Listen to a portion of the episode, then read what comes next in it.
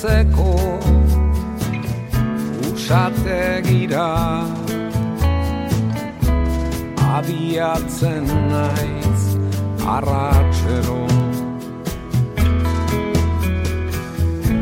Zurezko etxeak Aurrak dantzan. Ederregia zain denaren baten zain Ene gogoko Erantzun bezinukana Mezulariak ¿Qué tal estáis? Os saludamos desde la Casa de la Palabra. En esta edición todas las entrevistas son nuevas, nunca antes emitidas. En conexión con Logroño nos va a hablar el alpinista Íñigo Jauregui Ezquivela. Lo va a hacer sobre su segunda incursión en las montañas de Georgia. Estaremos también con la escritora Pilar Salamanca. Tiene familia palestina y nos va a presentar el libro Beirut Misuna. Beirut ya no está relata dos estancias lejanas en tiempo en la capital del Líbano. La primera fue en el viaje de novios en el año 1975 y la segunda en 2018. En ese tiempo Beirut ha vivido muchas épocas entre guerras y paz. Estaremos también, finalmente, con Ángel Luis Encinas, doctor en Geografía e Historia, recupera crónicas de las antiguas expediciones de los españoles en América ha editado el libro La expedición de Francisco de Orellana al Amazonas, escrito por Gaspar de Carvajal, testigo directo de esta gran aventura de 1542. Ahora estamos con Íñigo Jauregui y nos lleva a las montañas de Georgia.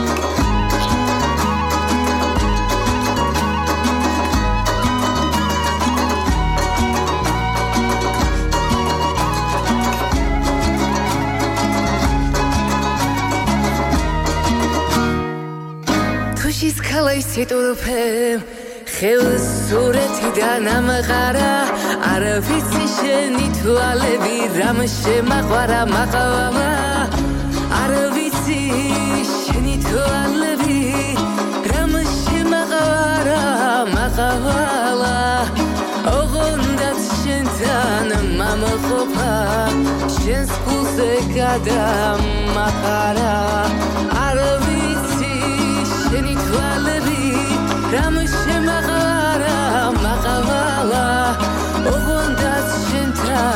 მამაყოფა შენს გულზე გადამაფარა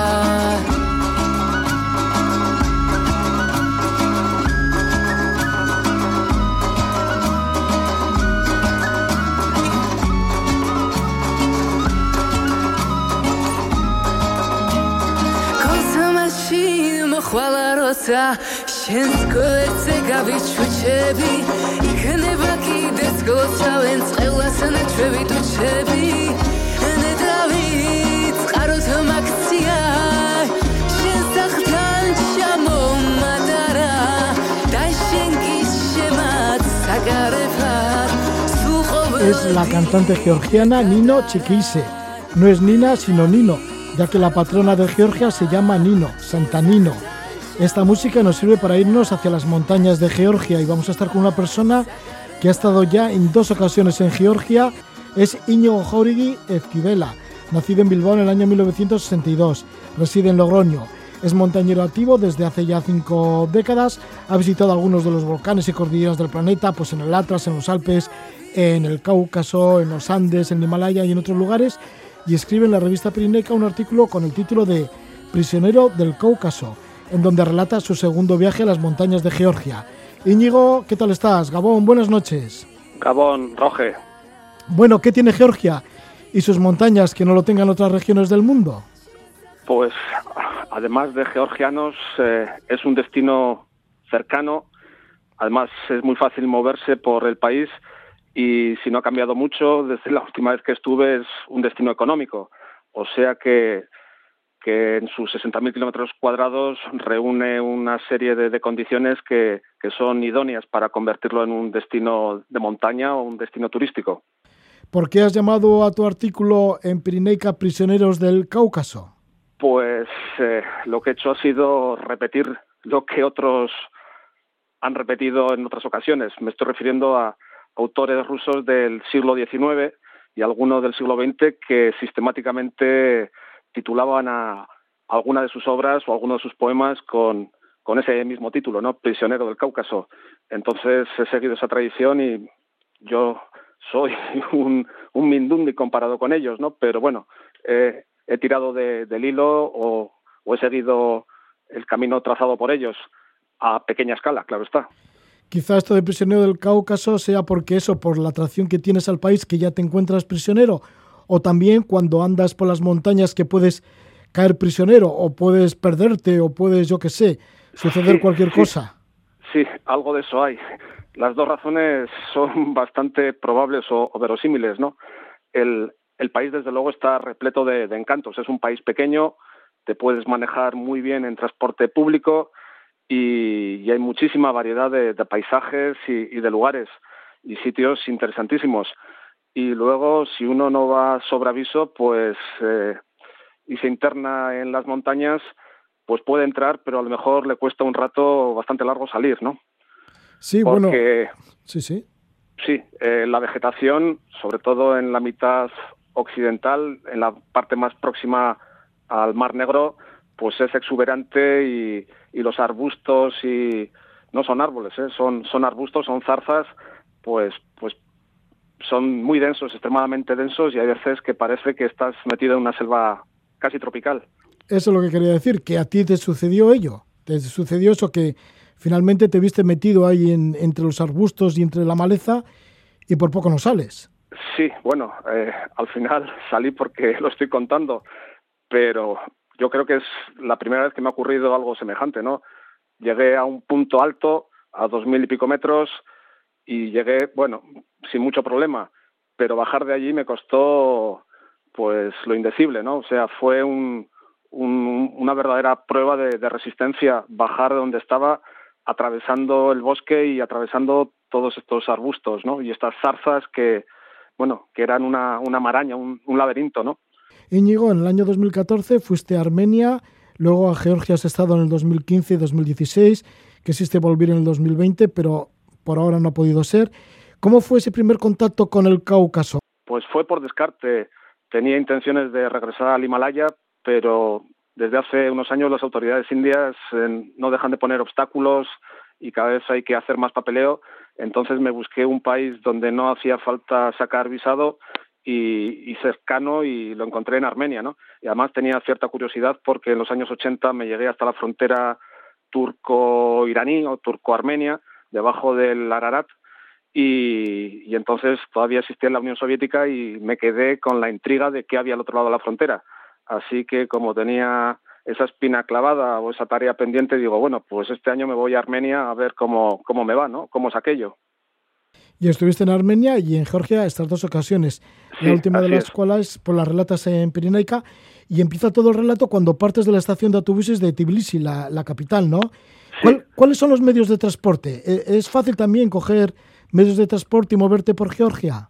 Sí, es extremadamente más fácil, mucho más que, que en Armenia, porque por lo menos los carteles están escritos también en inglés o con grafía latina, ¿no? Cosa que en Armenia no sucede siempre. Así que hay veces que, que cuando estás en una estación de autobuses en Armenia, pues te sientes tan desamparado como me imagino te puedes sentir en el medio de, de China, en China, en la China rural, ¿no?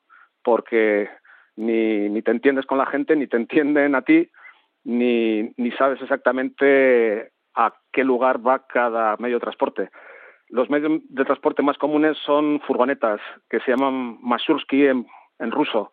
Entonces, cuando se llena, sale y hay multitud de destinos. O sea que basta ir a la estación de autobuses a la que corresponda, porque Tbilisi es una macro ciudad que concentra casi la mitad de la población de, de Georgia, perdón, y, y hay varias estaciones de autobuses. Según la región a la que vayas, pues te diriges a la del norte o a la del sur y te vas a donde están las Masurski y, preguntas y te montas en, la que te lleve a tu destino.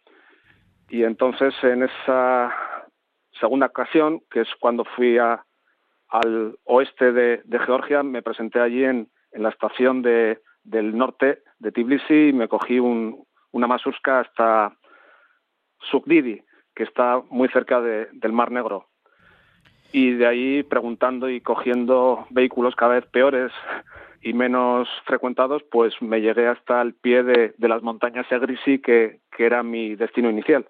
La gente es muy amable porque cuando te ven como perdido así o te ven en la carretera, sí que te suben a sus coches o a sus camiones, como es el caso, ¿no? Porque sí que te invitaron a un camión, a subirte a un camión y al final pasaste la noche en una cabaña, en un bosque cerrado. Sí, así es.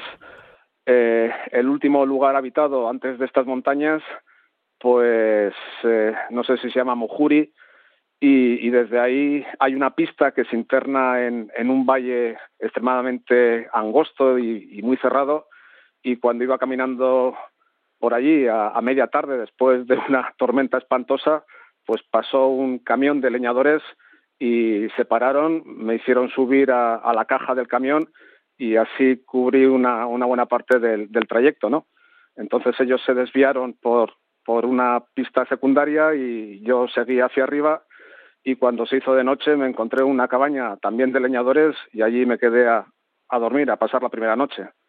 ¿Todo en Georgia es muy salvaje? Digo, porque cuando llegas allí es la noche, bueno, y claro, no ves demasiado, pero dices, ¿en dónde estoy metido? En una cabaña, aquí en el fuego, pero salgo afuera y el bosque es tremendo, ¿no? Misterioso, cerrado.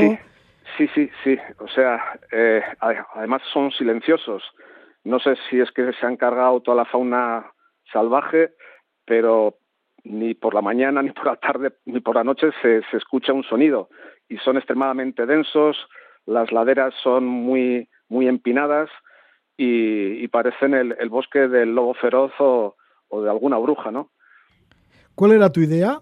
¿Qué es lo que pues pretendías hacer en esta ocasión? Mi idea era salir desde allí, desde Mujuri, a un lago bastante popular que, que se llama Gili, no sé si lo he dicho muy bien, y bajar por la ladera opuesta y continuar camino hacia Mestia, que es la, la capital de, de Svaneti, que es la región del, del oeste de, Georgia, la, región más popular para los montañeros porque ahí están los montes más altos de, Georgia, ¿no?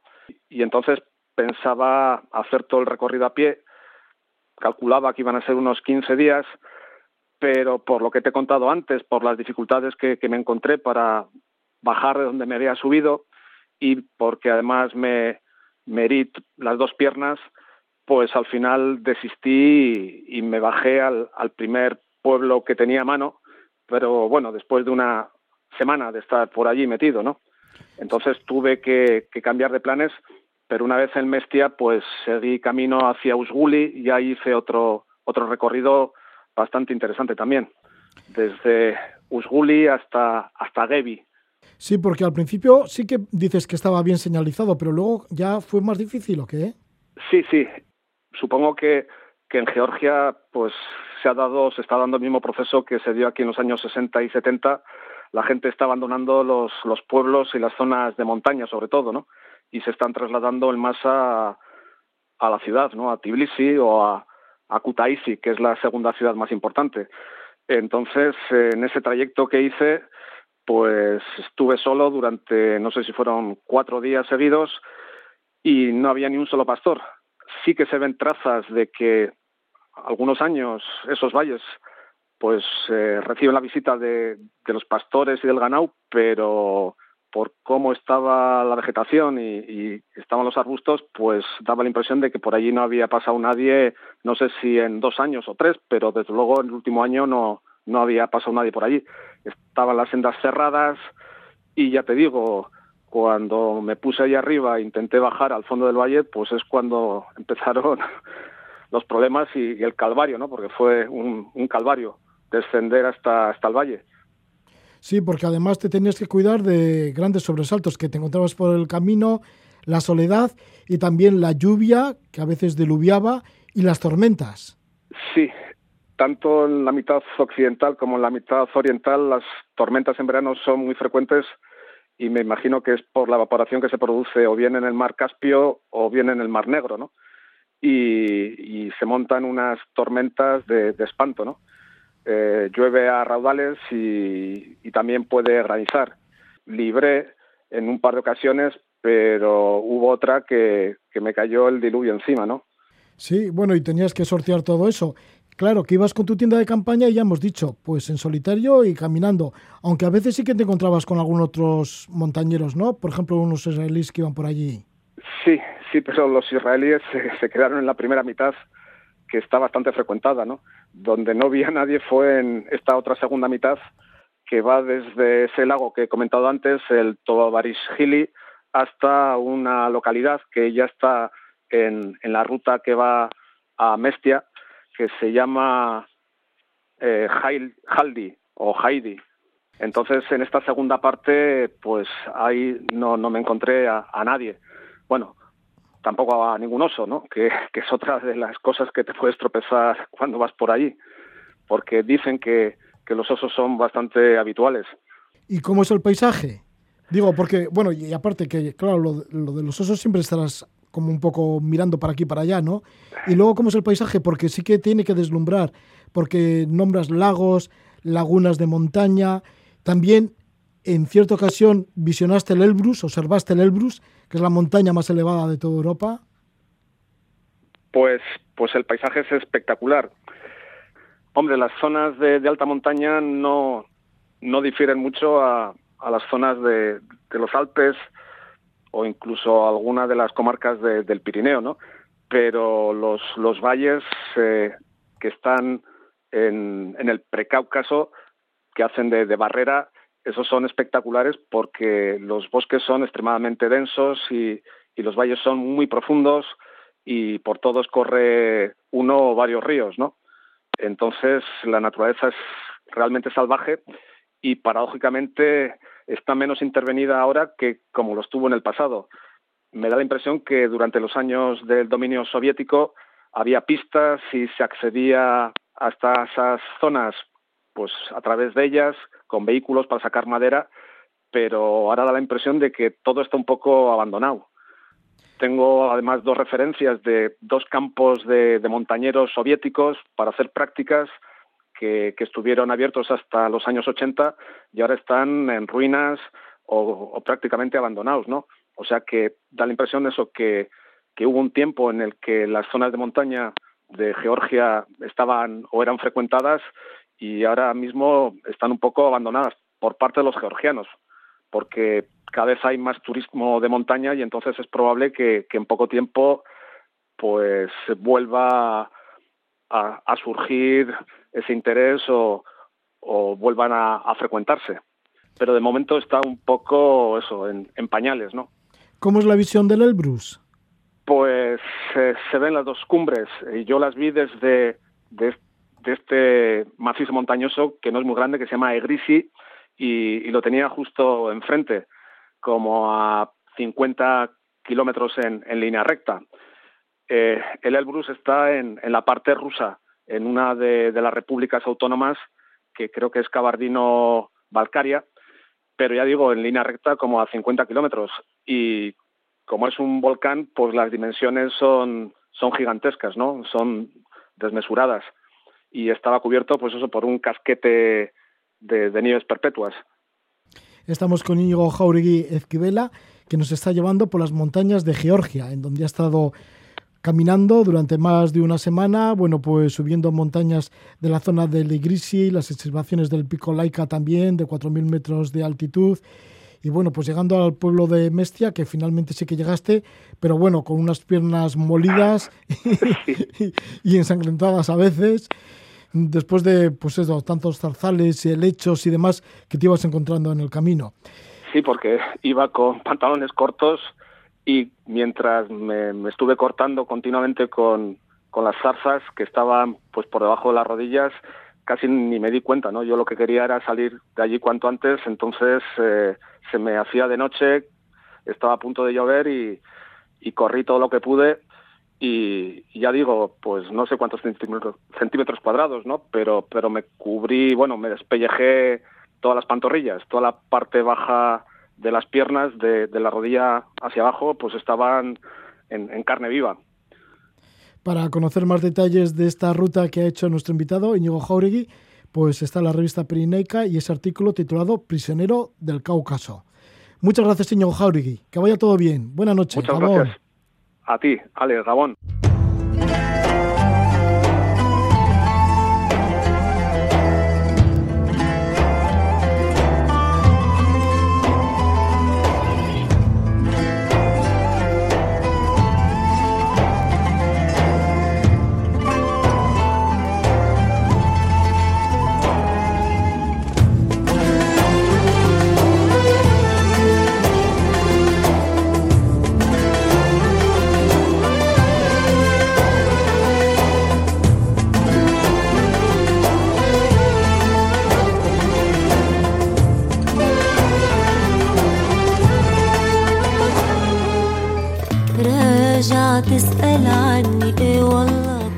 vamos a dirigir a Beirut, a la capital del Líbano, pero ahora escuchamos la voz de Carole Samaja. Ella es cantante y actriz de este país, del Líbano.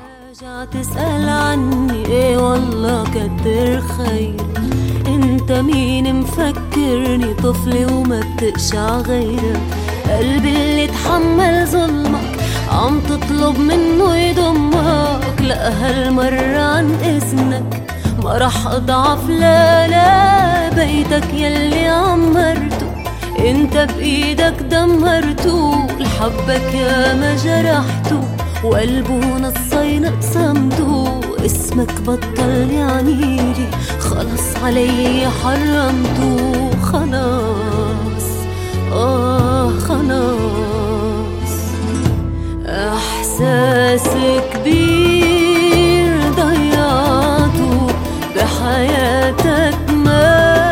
Beirut es una ciudad diferente por las guerras y conflictos que padece al estar situada en una parte del Mediterráneo muy estratégico, cerca de Palestina y Siria. En otro tiempo se conoció como la París de Oriente. Se ha construido y reconstruido en varias ocasiones, aguanta todas las cicatrices. De estos cambios en la capital del Líbano nos habla Pilar Salamanca, autora del libro Beirut Mishuna. Beirut ya no está. Pilar Salamanca es escritora, traductora y periodista, doctora en filología inglesa, especialista en historia contemporánea del Oriente Medio, tras licenciarse en la Universidad Autónoma de Madrid, tiene familia palestina, autora de varias novelas. Hace casi un año le entrevistamos en este mismo programa sobre su novela A cielo abierto, que transcurre en, en Palestina, y ahora le toca el turno a Beirut Miss Juna. Bienvenida, muy buenas noches, Pilar. Hola, buenas noches, Rogelio. Pilar, la primera vez que estuviste en Beirut fue de viaje de novios con tu marido palestino, era ya por el año 1975-1976. Regresas de nuevo en el verano de 2018 y es cuando escribes este libro, Beirut Mishuna, eh, porque parece que tenías como una idea, bueno, que tenías la, tu visión de, de Beirut en esa, primer, en esa primera estancia como bastante idealizado. Sin embargo, parece que ese primer viaje que te pareció un sueño cambia ahora que regresas de nuevo para allá primero yo soy mucho más vieja. En segundo lugar, efectivamente, la tenía enormemente idealizada. Las circunstancias, eh, bueno, ayudaron bastante. Y en tercer lugar, Beirut ha pasado un, un via crucis de una guerra que duró 15 años y enorme cantidad de conflictos, aparte del un bombardero, bombardeo que eh, a la que fue sometida por parte de Israel que duró cerca de mes y medio, dos, y que acabó con toda la reconstrucción que se había eh, empezado a hacer después de esos 15 años de, de guerra. Durante los 15 años siguientes hubo una paz relativa. Eh, y claro, efectivamente la Beirut que yo conocía ya, ya había desaparecido. Para mí supuso como una un golpe en la cabeza para darme cuenta no solo de, de que ella no estaba, pero yo tampoco. O al menos la, la joven que lo conoció, pues también había se había ido hace mucho tiempo. Al poco tiempo de vuestra estancia, pues se cerraron las fronteras allá por el año 1975 y llegaron las hostilidades, la guerra, bueno, esta guerra que duró tantos años, de 1975 duró 14 años hasta 1989 y luego le siguió la invasión de Israel. O sea que sí, que tuviste el privilegio de conocer una Beirut que llevaba muchos años entonces calmada, sin guerras ni nada, hasta lo que llegó posteriormente, a los pocos días que os fuisteis. Pues eh, sí, eh, llevó, eh, era un país en, precario equilibrio, siempre lo fue. Cuando nosotros llegamos allí, no se puede decir que fuera exactamente Cuenca, sino un, un lugar en donde la convivencia de múltiples, muchísimas. A día de hoy, por ejemplo, hay 18 eh, ascripciones eh, eh, religiosas reconocidas eh, oficialmente, 18 religiones distintas que de alguna manera se mantienen en contacto y en fricción. Sobre todo las dos mayoritarias, que son las que están representadas por el presidente, que siempre es un cristiano maronita, y el primer ministro de la República, que siempre es un, eh, un musulmán, un suní. Entonces, eh, como cualquier clase de, de no sé, de negociación o, coalición, eh, exige múltiples cálculos y enorme cantidad de, de negociaciones. En el Oriente son, o fueron siempre, eh, hasta tiempos relativamente recientes, cuando quedaron sometidos a las necesidades geoestratégicas de los imperios, unos países en los cuales la condescendencia, eh, tanto étnica como religiosa, fue muy grande, pero así todo, en un país tan pequeño relativamente como el Líbano, eso eh, exigía un esfuerzo constante y bueno, pues de vez en cuando había algún tipo de estallidos, pero nada que no pudiera solucionarse, ¿no? Y eso es lo que yo conocí. Sí, porque antes era Beirut como una ciudad bastante cosmopolita. Ya hemos dicho que la llamaban el París de, de, Oriente, antes de que fuera fragmentada ¿no? por tantos grupos religiosos, por tantas sectas religiosas, que ya nos ha hablado de, de, de 18 de ellas, ¿no? estas multitudes sectas que hay, grupos religiosos. Bueno, así que era, ¿os encontrasteis eso como una ciudad bastante cosmopolita? Sí, era una ciudad, bueno, tan cosmopolita que yo, por ejemplo, pude ver algunas películas eh, en Alhambra, en el barrio musulmán, eh, que estaban prohibidas en España por aquella época, como por ejemplo eh, parece recordar el discreto encanto de la burguesía. Eh, o sea, eso eh, todavía no había llegado a, a, ¿cómo se llama?, a los cines de, de este país y, y ahí está poniendo. Ahí se encontraban los mejores libros, los mejores, eh, eh, las mejores músicas, las mejores películas. El, de todas maneras, el calificativo de París es un con, con todo el respeto, es una fórmula enormemente orientalista, ¿verdad? Es decir, es, implica que nosotros vemos lo mejor desde un punto de vista muy eurocéntrico y lo comparamos con nuestros eh, mejores eh, mitos sin darnos cuenta que no, que eso no se parecía a París para nada sea, allí lo único que había de París era que, como habían estado sometidos a la colonización francesa, hablaban francés, es decir, la población eh, beirutí, bueno, la población libanesa en general, sobre todo la, que tenía cierta formación eh, o estudios, hablaban francés, incluidos los camareros y todo Terrapichichi, eh, eh, eran bilingües. Eso sí, pero de que tuviera algún parecido o similaridad, similitud, para nada. Eh, eh, Beirut era Beirut y con su propia esencia y pero claro bueno quizá para entenderla siempre utilizamos pues nuestros propios mm, encuadres mentales no que los aplicamos allá donde sea y así salimos del paso estupendamente. En realidad nadie eh, se preocupó mucho entonces ni de entender a Beirut ni de entender a, a Damasco ni nos contaron la historia de Lawrence de Arabia y después nos creímos que todo era como ponía la película. Mentira. Bueno. Sí, bueno, que sí, que somos muy eurocentristas, ¿no? Y hay que conocer... No, es, un, es, una cultura completa, no es una cuestión que se pueda achacar a los seres, eh, a los individuos, ¿no? Pero es verdad, no, no, no, no tenemos ni pajolera idea de nada. Es más, hay algunos que nos esforzamos por entender un poco, pero si quieres que te diga, eh, en general, tú sabes que al contrario, no solamente no hay gran interés, sino que al, al contrario se, se, tiene una cierta un, un, cierto bastante rechazo, sobre todo después de la desaparición, yo creo, del comunismo, esto el mundo capitalista y la estrategia internacional necesitaba un otro para, aunque no fuera más que para vender armas, ¿no? O un enemigo. Y mira tú por dónde.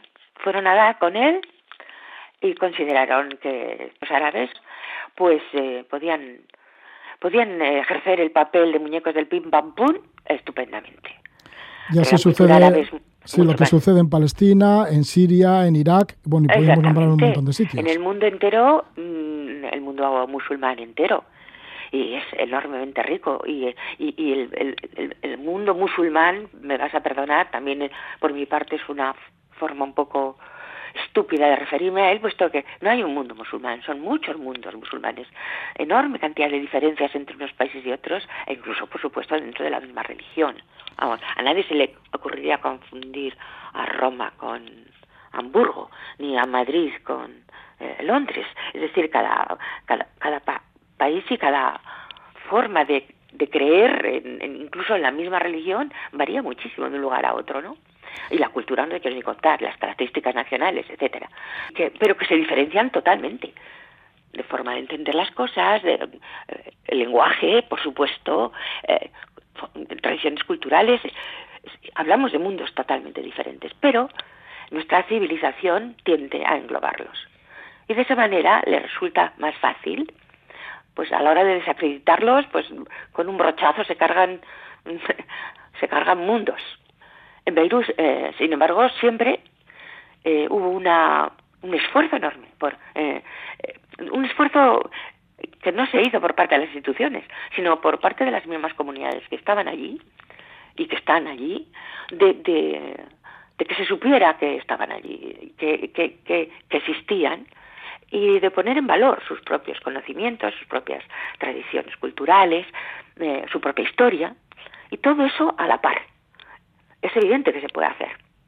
Es evidente que se puede hacer. Otra cosa es que no se quiera hacer. Y, o que no les dejen, que también es otra. Bueno.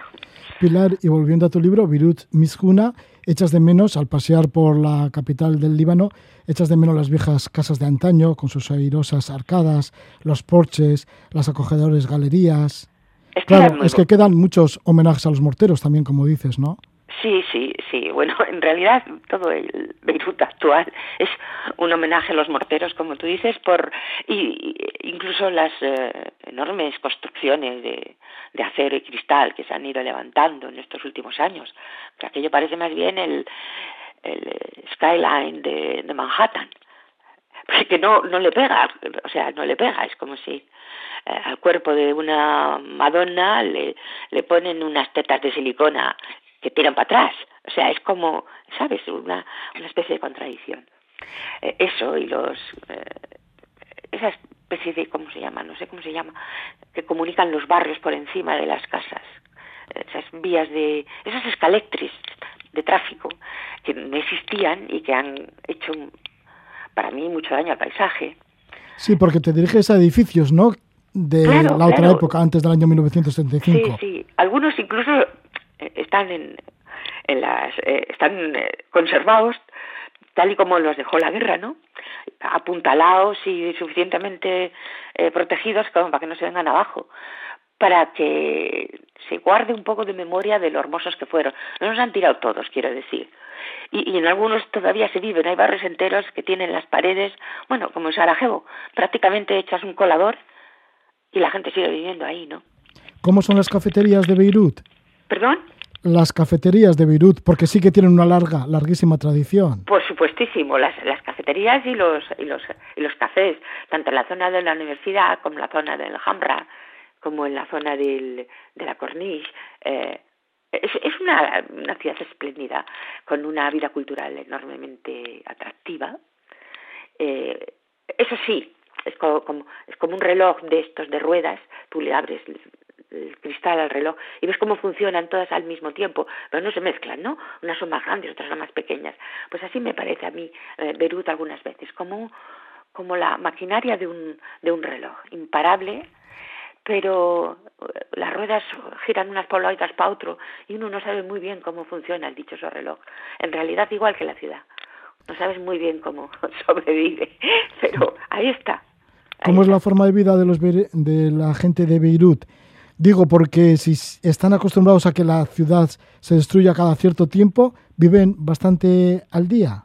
No, eh, sí, viven al día, pero ellos vivieron siempre al día. Mira, me acuerdo que en la guerra, cuando se veían los telediarios, se veía como de vez en cuando había un alto en fuego y, de los escombros de las casas medio caídas de aquí y de allá, de un lado y del otro de la línea verde que separaba las comunidades, salían gentes con carros que tenían unos burros y, y en los carros iban cargados los puestos de, de cebollas, de tomates, de cómo jugaban los niños encima de los escombros. era una ciudad llena de vida, por más que las bombas eh, la tuvieran molida, eh, ¿sabes? Entonces, eh, es indestructible, o sea, es indestructible. Está decidida a seguir allí porque está ahí desde mucho antes de los fenicios y vamos, no vamos a ser nosotros los que acabemos con ella. La vitalidad está, de este país es, es impresionante y tienen un cierto cinismo y una cierta sabiduría en el sentido que dice, bueno, las bombas pararán, eh, los problemas se terminarán y Beirut seguirá estando aquí. Dices en el libro que los beirutíes son amabilísimos y tristes. Sí, eh, son acogedores, muy acogedores, muy, muy educados. O sea, tú puedes... Eh, la, la, la, la vida, hombre, si no fuera por lo que es, sería muy fácil, ¿no? es muy raro que, que, yo por lo menos no me enteré, quizá lo haya, pero yo no me enteré. Eh, se puede pasear a cualquier hora, en cualquier lugar, sin problemas. La gente no se preocupa porque seas una mujer y estés sola, ¿no? Y nunca causa eso ningún tipo de, problemas, o al menos a mí no me, lo, no me lo causó, ¿no? Pero más que triste yo creo que tienen un cierto cansancio, ¿sabes? Como un cierto cansancio como una sensación de déjà vu. Siempre se repite esta situación, ahora estamos bien, pero dentro de poco estaremos mal.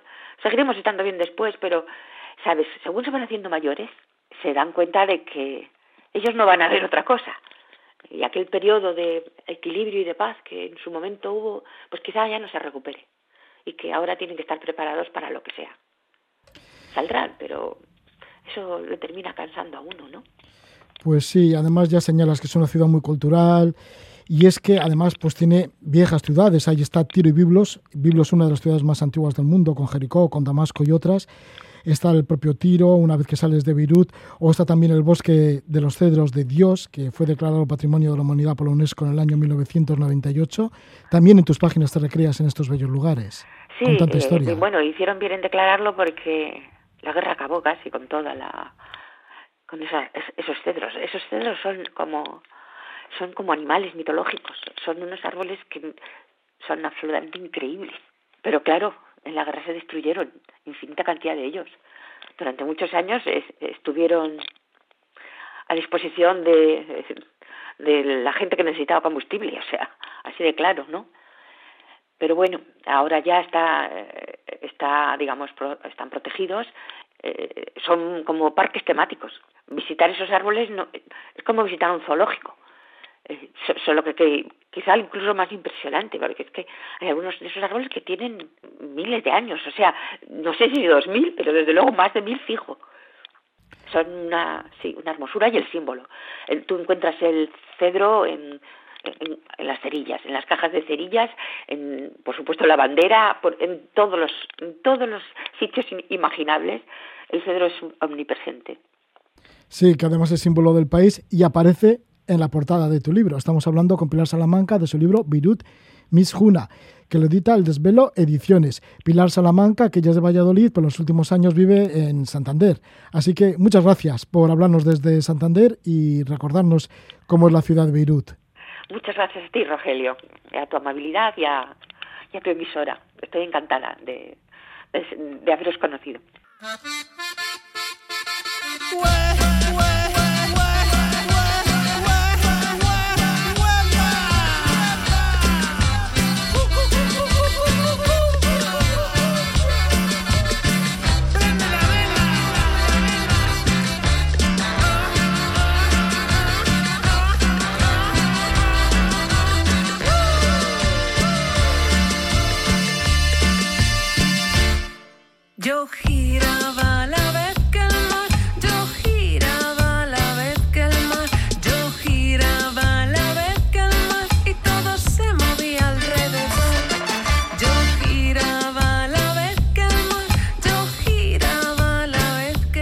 Es la cantante Julia de Castro de Ávila. Es una cumbia desde la ciudad amurallada de Ávila, lleva el título de Caminadora. Nos va a servir para estar hablando con Ángel Luis Encinas sobre la expedición de Francisco de Orellana al Amazonas. Me me españolita,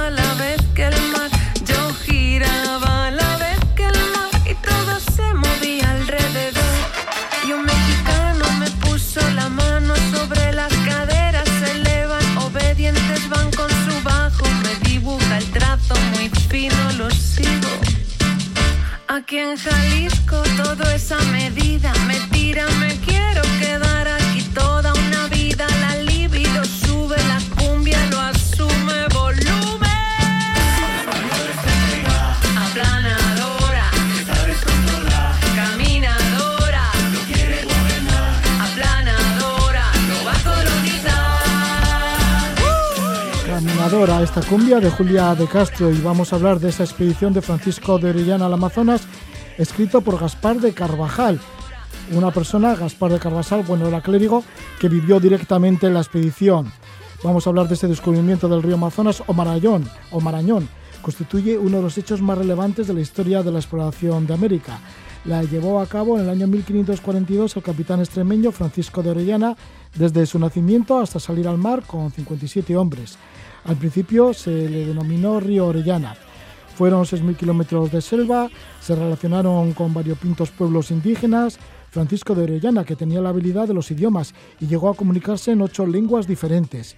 Se publica una nueva edición, adaptada al lenguaje actual, de la crónica original del descenso del río Amazonas de un extremo a otro de Sudamérica.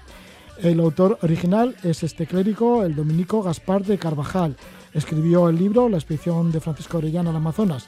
La nueva edición corresponde a Ángel Luis Encinas Moral, que publica el Miraguano Ediciones. Le damos la bienvenida a Ángel Luis Encinas. Muy buenas noches, Ángel. Muy buenas noches, Roge. ¿Qué tal? ¿Cómo estamos? Muy bien, bueno, que ya te tenemos, te hemos tenido en diferentes ocasiones. Y ahora, pues esa reedición de la expedición de Francisco Orellana al Amazonas. Resulta que el original es del sacerdote Gaspar de Carvajal. Sí. ¿Cuál es el valor de esta obra de este sacerdote? Quizá porque vivió directamente toda la aventura Exacto, con es Francisco decir, de Orellana. Estamos hablando de una persona que fue testigo directo de las dos expediciones, tanto la expedición al Amazonas primera como luego la segunda que tuvo lugar a la Nueva Andalucía, penetrando más aún en el curso del río. Para empezar, ¿cuál es la historia de este sacerdote, Gaspar de Carvajal? Porque parece que era también del mismo pueblo de Orellana y Sí, además del mismo pueblo de- de Francisco de Pizarro. Gaspar de Carvajal pues era un eh, sacerdote trujillano que además había sido destinado como misionero a- al Perú en 1533 después de haberse dedicado a estudiar teología con los dominicos y se dedicó en Perú a investigar a, los indígenas y también a convertirlos. Él aprendió los el, el quechua y luego Carvajal se unió en 1540 a la expedición de Gonzalo Pizarro, de la cual formaba parte también Francisco de Orellana, que estaba encabezada por Gonzalo Pizarro, el hermano de Francisco, también de Trujillo, que iba a la búsqueda del país de la canela, como lo llamaban ellos, y del Amazonas. Francisco de Orellana, que nació en Trujillo también, en Extremadura, por los años de 1511, de una familia emparentada con la de Francisco Pizarro y la de Gonzalo Pizarro. Bueno, pues Sí. Francisco de Orellana es el que ya va con sus hombres a descubrir el río Amazonas pensando que va a llegar al país de la canela. Sí, pensaban, iban buscando el país de la canela porque evidentemente lo que no sabían ellos es que la canela no venía de, de esta zona, sino que básicamente provenía de Asia. Pero fue muy interesante porque evidentemente el llegar hasta la desembocadura del Amazonas fue un viaje impresionante, es decir, no se había hecho una expedición española tan intensa como esta. Y también hay que decirlo con gente tan preparada, porque tanto el padre Carvajal como Francisco de Orellana eran hombres que dominaban varias lenguas indígenas, en concreto el militar español llegó a hablar nueve idiomas indígenas de toda la de toda la zona de lo que es el Perú, el Ecuador, incluso de las tribus de la de la Amazonia. Empezó a aprender los los idiomas en el transcurso de la de la expedición. ¿Cómo era el Amazonas entonces? Porque, claro, para ellos era un cauce ignoto, ¿no? Que desconocían todo sobre el río por donde navegaban. Iban, Absolutamente. sí, iban en dos bergantines. Ni siquiera fueron conscientes de dónde se habían metido, porque ellos iban buscando agua, pero por cuestión de azar derivaron del Napo al Amazonas y llegaron hasta la desembocadura del, del Amazonas, es decir, fue una cuestión meramente accidental y por supuesto nada privilegiada de un territorio que apenas sí empezaba a pergeñarse en las cartas geográficas de navegación europeas de la época. Parece que pasaron bastante hambre la tripulación, porque no conseguían llegar a la costa, bueno, a las orillas del cauce del Amazonas, de lo extenso que era, y cuando lo conseguían, pues muchas veces eh, eran atacados por los nativos, ¿no? Que les veían como seres extraños.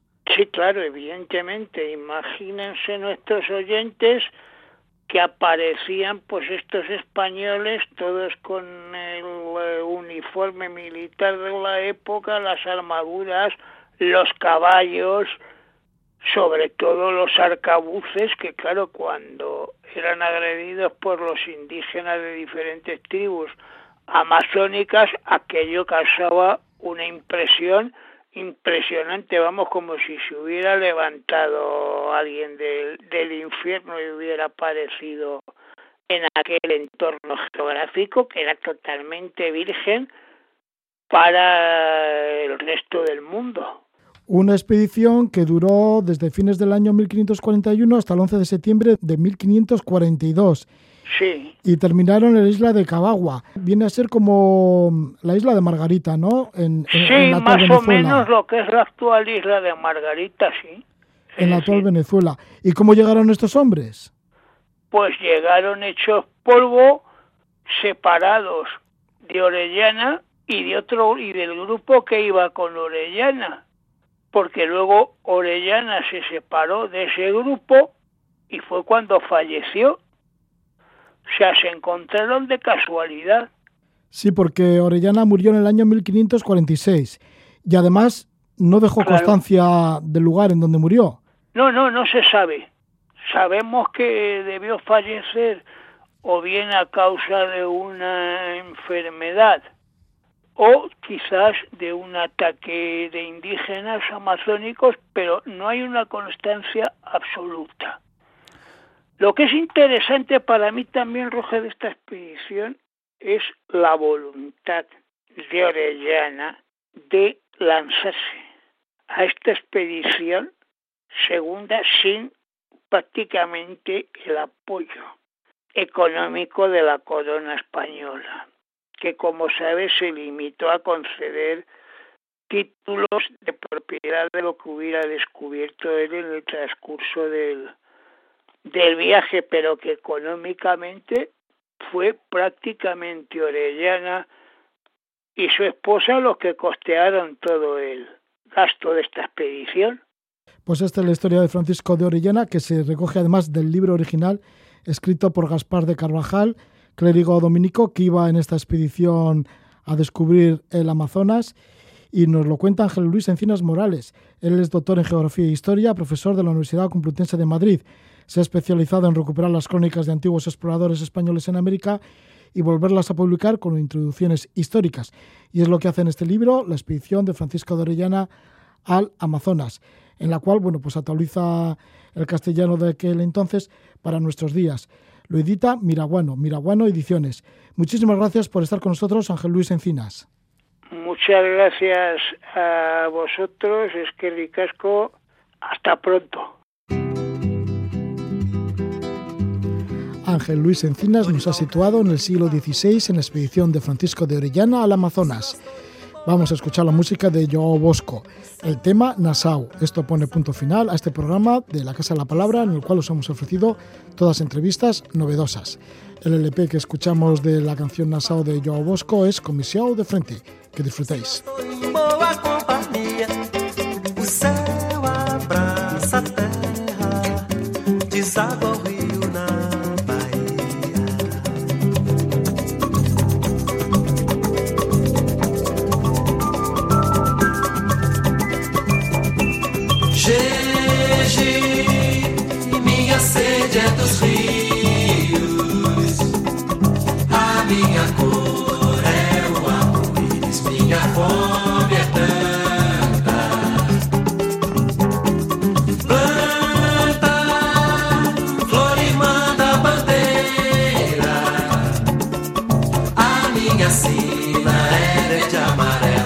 Baba.